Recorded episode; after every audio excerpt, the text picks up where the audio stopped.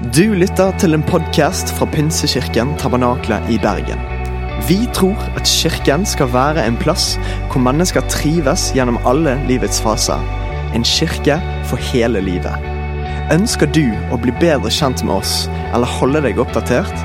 Besøk vår Facebook-side eller ptb.no. Her er ukens tale. Vi, eh, vi kicker i gang en miniserie denne helgen som jeg tror bare varer til og med neste helg, som heter Takk og pris. Og, og Det handler egentlig om at vi skal snakke litt om hvordan det er å respondere på Guds nærhet i våre liv. Eh, og, så, og så står det takk og pris, men vi kunne sagt pris og takk. For det er den rekkefølgen vi snakker om det. Men det hadde hørtes veldig rart ut, så vi gjør ikke det. Høres det greit ut? Ja, ok. Men, eh, så vi skal altså snakke om pris. Og jeg tenkte hvis vi skal snakke om pris, så er det bare én film vi kan se. Så kan vi se den filmen nå. At this dude over here praising God, man. Hey, what's up? Hey, let me holler at you, my man. Book of Revelation. You heard that new Kurt Franklin? Verses 16 and 17. Yes, sir. You heard that new Kurt Franklin? Hunger no more, Ah. neither shall they thirst anymore. Yeah. Preach, preach out. For God shall wipe away I got you. I got you. every tear from the Nah, eye. go ahead, go ahead. Do your thing. Ready?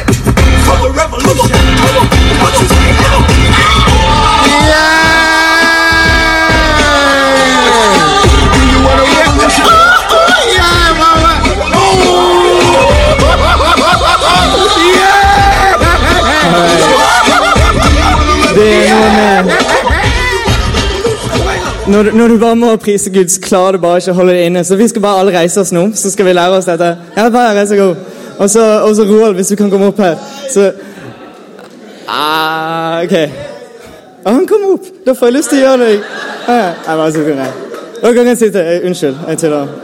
Nei. Takk og pris. Det er, det er en ting jeg takker Gud for. Det er at du kan prise han uten å måtte synge eller måtte danse. Eller i hvert fall uten å synge i rene toner. Men eh, det er det vi skal snakke litt om, om i, nå i dag. Eh, at jeg, jeg tror det å prise Gud, det å tilbe Gud Det er, sånn, det er sånne ord jeg vet ikke om du er vant til å høre det, men å prise og tilbe og lovsynge og, og hengi seg til. Det er, det er det vi skal snakke om. Og jeg tror det er, ville vært mangelfullt å bare la det være sang eller bare la det være dans. Og så skal vi se litt på hva helheten i det kanskje kan se ut som. Og Jeg tror det hele begynner med at vi alle har en eller annen lengsel etter noe. Og det, Jeg har ikke liksom forsket på det, men jeg, jeg har møtt veldig mange mennesker det er sånn, generelt gjennom livet mitt, sånn som jeg har hilst på dere. Og, eh, og det er ingen mennesker jeg har møtt som ikke liksom har snakket om noe de lengter etter.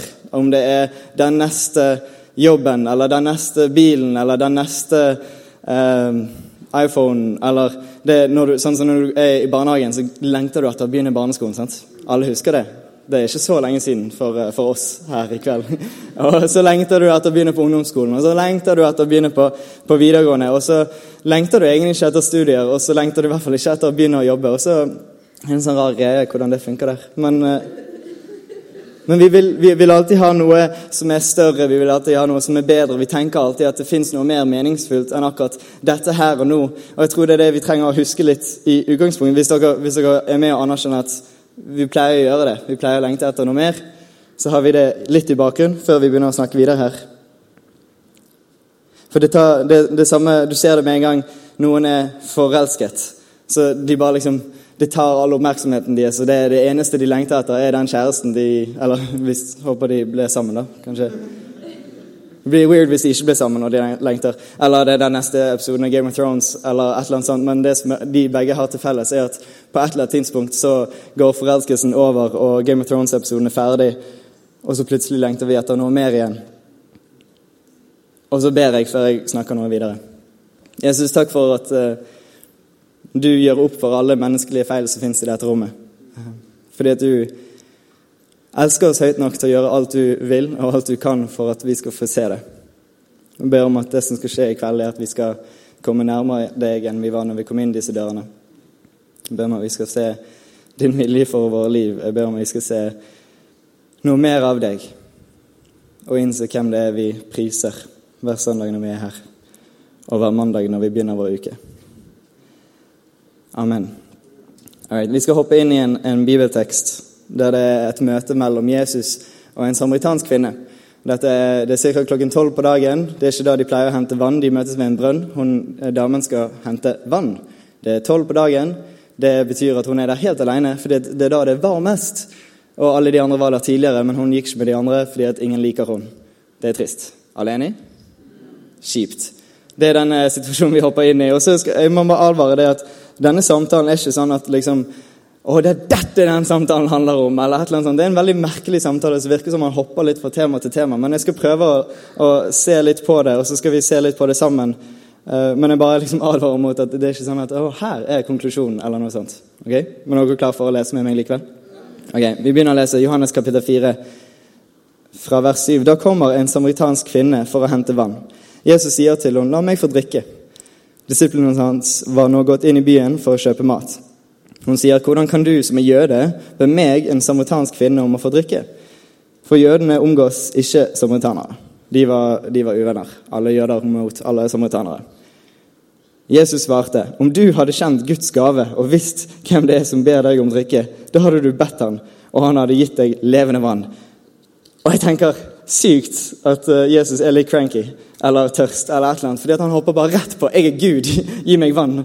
Og Jeg syns det er veldig merkelig, for han gjør aldri det noe andre steder. Men eh, det som også er gøy å legge merke til, er at han, han sier ingenting mer om det der liksom skillet mellom jøder og samaritanere. fordi noen ting trenger du bare ikke fokusere på. Du kan heller se fremover. Men det har ikke noe med saken å gjøre. Men vi leser videre. Herre, sa kvinnen, du har ikke noe å dra opp vann med, og brønnen er dyp. Hvor får du da det levende vannet fra? Du er vel ikke større enn vår stamfar Jakob. Han ga oss brønnen, og både han selv, sønnen hans og buskapen drakk av den. Viktig detalj. Jesus svarte, den som drikker av dette vannet, blir tørst igjen. Men den som drikker av det vannet jeg vil gi, skal aldri mer tørste. For det vannet jeg vil gi, blir i han en kilde med vann som veller frem og gir evig liv. Det er, det er veldig spennende, for alle samtaler Jesus har, så pleier han liksom å holde litt tilbake på å påpeke det at 'jeg er Gud, hør på meg'. på en måte. Mens her er han ganske så proaktiv på det. Og så lurer jeg på om det kan hende at han prøver å trigge en eller annen tanke i denne damen. Fordi at han, han kjenner henne allerede, det får vi vite etter hvert. Men hun, hun kommer der helt alene midt på dagen fordi at hun er utstøtt fra samfunnet som hun bor i. Hun, hun, går når det er varmest for å skaffe litt vann, bare for å overleve. Det er liksom det livet handler om for hun er overlevelse. Så kan hende at når han snakker om vann som gir overflod, når han snakker om disse store tingene om evigheten, kanskje han prøver å trigge denne lengselen som han vet at hun har, etter noe mer. Så fortsetter vi å lese. Kvinnen sier til han, 'Herre, gi meg dette vannet, så jeg ikke blir tørst igjen', og slipper å gå hit og hente opp vann. Og Da virker ikke det helt som hun har skjønt greien. Men uh, hun ser noe veldig praktisk nytte av dette, og det hadde vært uh, fint hvis det skjedde òg. Men Jesus fortsetter, for han, uh, han, gir seg ikke på det. Da Jesus, sa Jesus til henne, 'Gå og hent mannen din, og kom så hit.' Og så svarer hun, 'Jeg har ingen mann', svarte kvinnen. 'Du har rett når du sier at du ikke har noen mann', sa Jesus. 'For du har hatt fem menn, og han du nå har, er ikke din mann.' Det du sier, er sant. Jeg, jeg, skjønner meg ikke helt på samtalen, men plutselig så gjør de et skifte. Plutselig snakker de om, om uh, mennene hennes. Og plutselig så høres det veldig rart ut når Jesus sier dette. fordi det liksom, Jeg håper at det var en litt fyldigere samtale i virkeligheten, og at det bare ble notert noe av det her. fordi på én linje så går han fra å spørre et spørsmål som han egentlig visste svaret på, så sier han det. Jeg skjønner det ikke. Men i hvert fall. Hun skjønner at det er noe spesielt. Og hun sier, 'Herre, 'Jeg ser at du er en profet', sa kvinnen.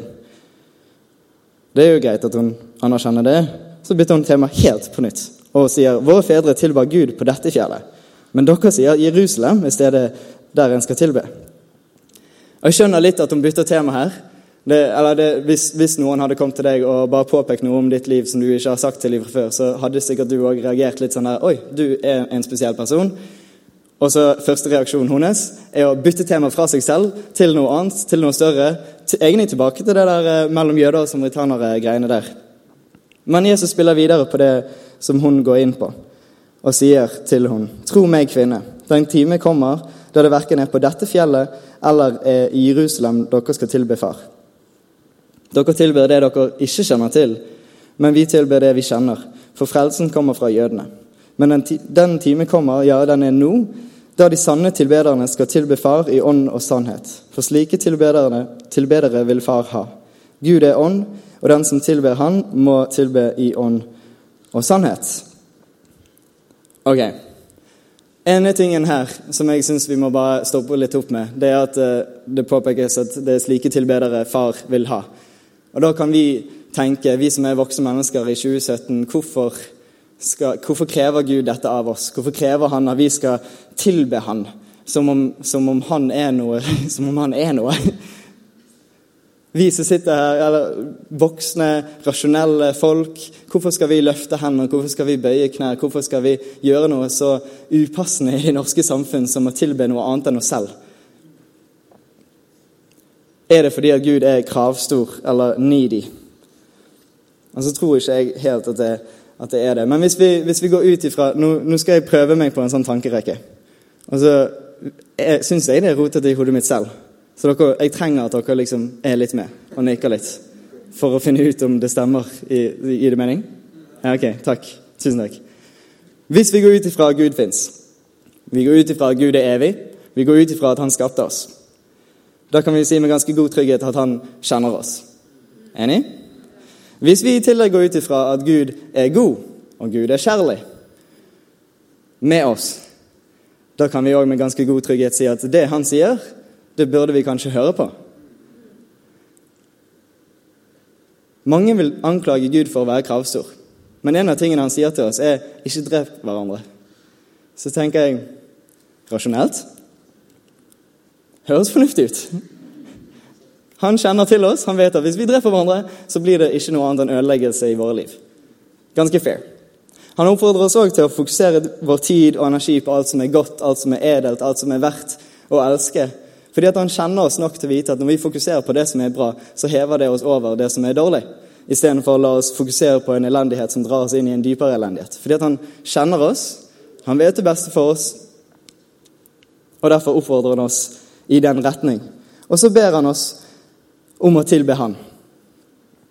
Og da sier Descartes eh, Hopper litt der. Men Descartes sier eh, eh, 'Jeg tenker, derfor er jeg'. Og Jeg mener ikke å si at det er feil, men jeg mener å si at Gud supplerer til den tanken når han sier eh, at vi er hele mennesker med ånd, kropp og sjel. Er, hvis, vi, hvis, vi, bare skal se på utsagnet til Descartes, så ender vi opp med bare å være hjerner på en pinne som går rundt omkring. Men hvis vi hører på hva, Jesus, eh, hva, Gud sier om oss, at vi er hele mennesker, åndkropp og sjel, så kan det være logisk å tenke det at kanskje vi har noe mer enn bare tanker. Kanskje vi har noen følelser, kanskje vi er skapt med noe mer enn her og nå, men vi er skapt inn i en evighet. Gir det mening? Og så er det sånn at vi hele tiden prøver å mette den lengselen, for det er den lengselen jeg tror Gud har skapt oss med. Og måten vi prøver å mette den, er ved at vi til syvende og sist overgir oss til et eller annet. Vi overgir hele, hele det mennesket vi er, til vår kjæreste. Så er det hun vi ender opp med å tilbe. Eller han. Eller vi overgir oss til, til en venn, eller vi overgir oss til familie. Og for noen så er det at man Man lengter hele tiden etter noe mer, fordi vi egne er jo skapt for en evighet. Og så klarer ikke vi helt å skjønne evigheten, fordi vi kan jo ikke se det. Det er noe som er utenfor vårt perspektiv så vi finner det beste vi kan. For noen så er det det som er typisk her i Norge, er kanskje prestisje. Prestisje blir det som tar all vår oppmerksomhet. Det er det som tar all vår tid, all våre tanker, all vår penger, all vår krefter. Vi investerer alt for å oppnå prestisje. Og så ender det opp med å være det vi tilber, for det er det vi har overgitt oss selv til. Og så er det jo sånn at du ser det at når folk oppnår mer og mer prestisje, så er det sånn at det, bare, det metter ikke den lengselen. Du vil bare mer. Og så kan det hende at eh, man bare har det samme når det kommer til penger, når det kommer til sex, når det kommer til ting, når det kommer til relasjoner. Alt som vi sier at 'dette er det evige som jeg har lengtet etter'. Og så lar man det være noe som setter hele retningen for livet. Og lar det være det som preger og opptar hele vårt liv. Det kan være komfort, til og med. Hvis komforten din eller komforten min er det jeg priser høyest, så er det sånn at det er det som kommer til å overgå de andre tingene i livet mitt, for det er det som prioriteres. Det at jeg kan se en serie som jeg har lyst til. Det at jeg kan spise det jeg har lyst til, for det er min komfort jeg tilber. Og så sier C.S. Lewis Ja, dette er et ganske overbrukt sitat, men jeg tar det likevel. Han sier at hvis jeg ikke finner noe i denne verden som metter min lengsel, så må det bety at jeg er skapt for en annen verden. Gud ber oss ikke om vår tilbedelse fordi at han er kravstor, men fordi at han kjenner oss. Han ber oss om vår tilbedelse fordi at han vet at han skapte oss med en lengsel etter noe mer. Etter noe som er evig. Og til syvende og sist ender tilbedelse opp med å være likt med overgivelse. Til hva enn du lar mette din lengsel, eller prøver å mette din lengsel. Henger vi med? Han vet at det vi lengter etter, det vi ble skapt til, det er en evighet sammen med han. Og Derfor ber han oss om å tilbe, fordi det å tilbe han og prise han, det innebærer å overgi seg til han. Og gi han all vår oppmerksomhet, all vår tid og all vår fokus. Og Gud ber oss om å tilbe han fordi han vet at når vi lar han være objektet for vår lengsel, det er da vi opplever genuin glede. For tilbedelse er, når du ser på det på den måten, så mye mer enn bare sang. Sier ikke at eh, sang er dumt, men eh, det vil være mangelfullt å si at det er det eneste tilbedelse er. Og det er jeg glad for, fordi at jeg er den som enten lar være å synge på vegne av de som sitter eller står rundt meg, for jeg vil ikke være til forstyrrelse eller liksom ubehag for deres liv. Eller så synger jeg høyt nok til at de er nødt til å overgå meg, sånn at de kan bruke sine gode stemmer til å sette en annen tone i rommet. Heller det siste. Uavhengig så, så priser jeg Gud, da, tror jeg. Kanskje jeg ikke synger, men jeg lovsynger. Og her, her er setningen min. Hør, er du klar til å høre den? Det er ikke min egen idé, oversatt fra CS2 igjen, men ja, ja. Tilbedelse handler ikke bare om å uttrykke en glede man allerede har, eller allerede føler. Det handler om å fullende gleden gjennom den endelige uttrykkelsen av en lengsel. Overgivelsen til et liv som vi ble skapt til å leve. C.S. Lewis sier det på engelsk sånn som dette. Hvis det kommer der. Kanskje ikke. Da leser jeg det her. Han er ganske smart type. Jeg leser bøkene hans hvis dere har fritid i eksamenstiden. Han sier I think we delight to praise what we enjoy because the praise not merely expresses but completes the enjoyment. Gud ber oss ikke om tilbe han fordi han tenker at han blir glad av det, og vi blir glad av, av Eller vi er så glade, derfor kan vi tilbe han. Men han tenker at når vi tilber han, når vi overgir oss til han, da finner vi gleden. Fordi det er han vi ble skapt til å leve sammen med. Det betyr at det er ikke sangen det handler om, men det er hvem du synger om, og det er hjertet du synger fra. Det handler om et innoverlent hjerte, et hjerte som er hengitt til Gud. Det handler ikke om teksten i den sangen, eller måten det synges på, eller tiden det skjer, men det handler om en holdning av hengivenhet. En holdning som sier 'det jeg gjør, det gjør jeg for deg'. 'Det jeg sier, det gjør jeg for deg'. 'Det jeg prioriterer i mitt liv, det gjør jeg for deg'. Det er en hengitt holdning som kommuniserer til deg selv og til de rundt deg hva du verdsetter i ditt liv. Det var en dame som hun jobbet som sånn eh, vasker i et hus i, før i tiden, når det var vanlig å ha det. Det er kanskje det nå òg?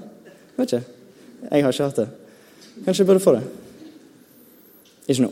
Um, hun ble kristen, og så ble hun spurt hva er forskjellen for livet ditt fra før nå og etter du ble kristen. Så sa han at eneste forskjellen er at nå, nå duster jeg. Liksom, jeg tar støvet under teppet i tillegg. Fordi at det er bare det at nå fikk hun gjøre alt hun gjorde i Guds navn. Og hun fikk gjøre alt hun gjorde for å ære Gud istedenfor bare å overleve. Det ga en helt annen glede til livet hennes. Det handler ikke, Tilbedelse handler ikke om den stunden som vi har her i kveld. Det handler ikke om gudstjenesten, men det handler om språket ditt i morgen. Og det handler om hvordan du med ditt liv kommuniserer til verden at 'jeg har overgitt meg til Jesus'. Jeg har overgitt meg til noe som er større enn meg selv. Det handler om et språk som, som gir lys til det gode, til kjærlighet, til alt som er godt, og som snakker optimistisk fordi vi har et håp om en bedre fremtid. Det tror jeg er en del av tilbedelse. Og så kan vi lese i salmene. Det er en lang bok i Bibelen som heter Salmene. Det er 150 salmer. Og Det er veldig fascinerende, for hver salme ble skrevet for seg selv, men så ble de liksom puttet sammen og designet for å, for å vise en type helhet. Og der har du ærlige, personlige uttalelser til Gud fra vanlige mennesker. Jeg syns det er så nydelig og det er en del av Guds inspirerte bibel til oss. At, at han bare får fram hvordan folk oppfatter livet, selv om de kjenner han. Så har det, er nesten halvparten av salmene klagesalmer, der de bare hater på livet. Men det som er fellestrekk for alle sammen, er at de går til Gud med det. Og det blir et språk som priser Gud, fordi at selv om alt er drit Og den ene salmen ender med at de sier 'Mørket er min beste venn'. Så, så er det fortsatt til Gud de sier det. Og det er fortsatt med en tillit til at Gud kommer til å være trofast gjennom det. Og så avsluttes det, det er også ikke at Det lengre du kommer ut i Salmenes bok, så blir det færre og færre klagesalmer og flere og flere prissalmer, fordi at, fordi at det peker frem mot at vi tror at evigheten har bare pris. og mye mindre klage. Ingen klage, faktisk. Og nå avslutter uh, Salmenes bok med Salme 150 Jeg skal lese den på engelsk. Jeg håper det går bra. Jeg er multikulturell, som André nevnte. Det sier dere det halleluja. Halleluja betyr pris Gud. Det ja er forkortelsen til Yahweh, som er Gud. Fun fact til de som syns det er gøy. Meg. Hallelujah. Praise God in his holy house of worship. Praise him under the open skies. Praise him for his acts of power. Praise him for his magnificent greatness. Praise with a blast on the trumpet. Praise by strumming soft strings. Praise him with castanets and dance. Praise him with the banjo and flute. Praise him with cymbals and a big bass drum. Praise him with fiddles and mandolin. Let every living, breathing creature praise God. Hallelujah. Det handler ikke om metoden du velger å prise Gud på. Det handler ikke om den sangen som synges, eller tonene som er rene, eller metoden. Det handler ingenting om det, men det handler om hjertet som lener seg inn for å prøve å komme i kontakt med hjertet til Gud.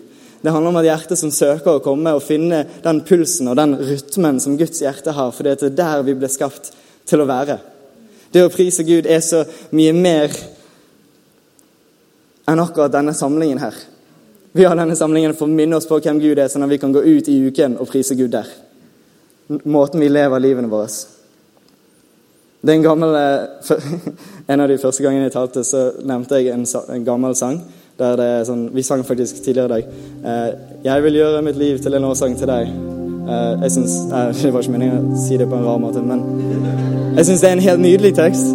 Det morsomme er, Jeg nevnte det i en tale og det er en annen kirke. Og så kommer pastoren opp etterpå og bare 'Å, den er så nydelig! Torben, kan ikke du komme opp og synge den?'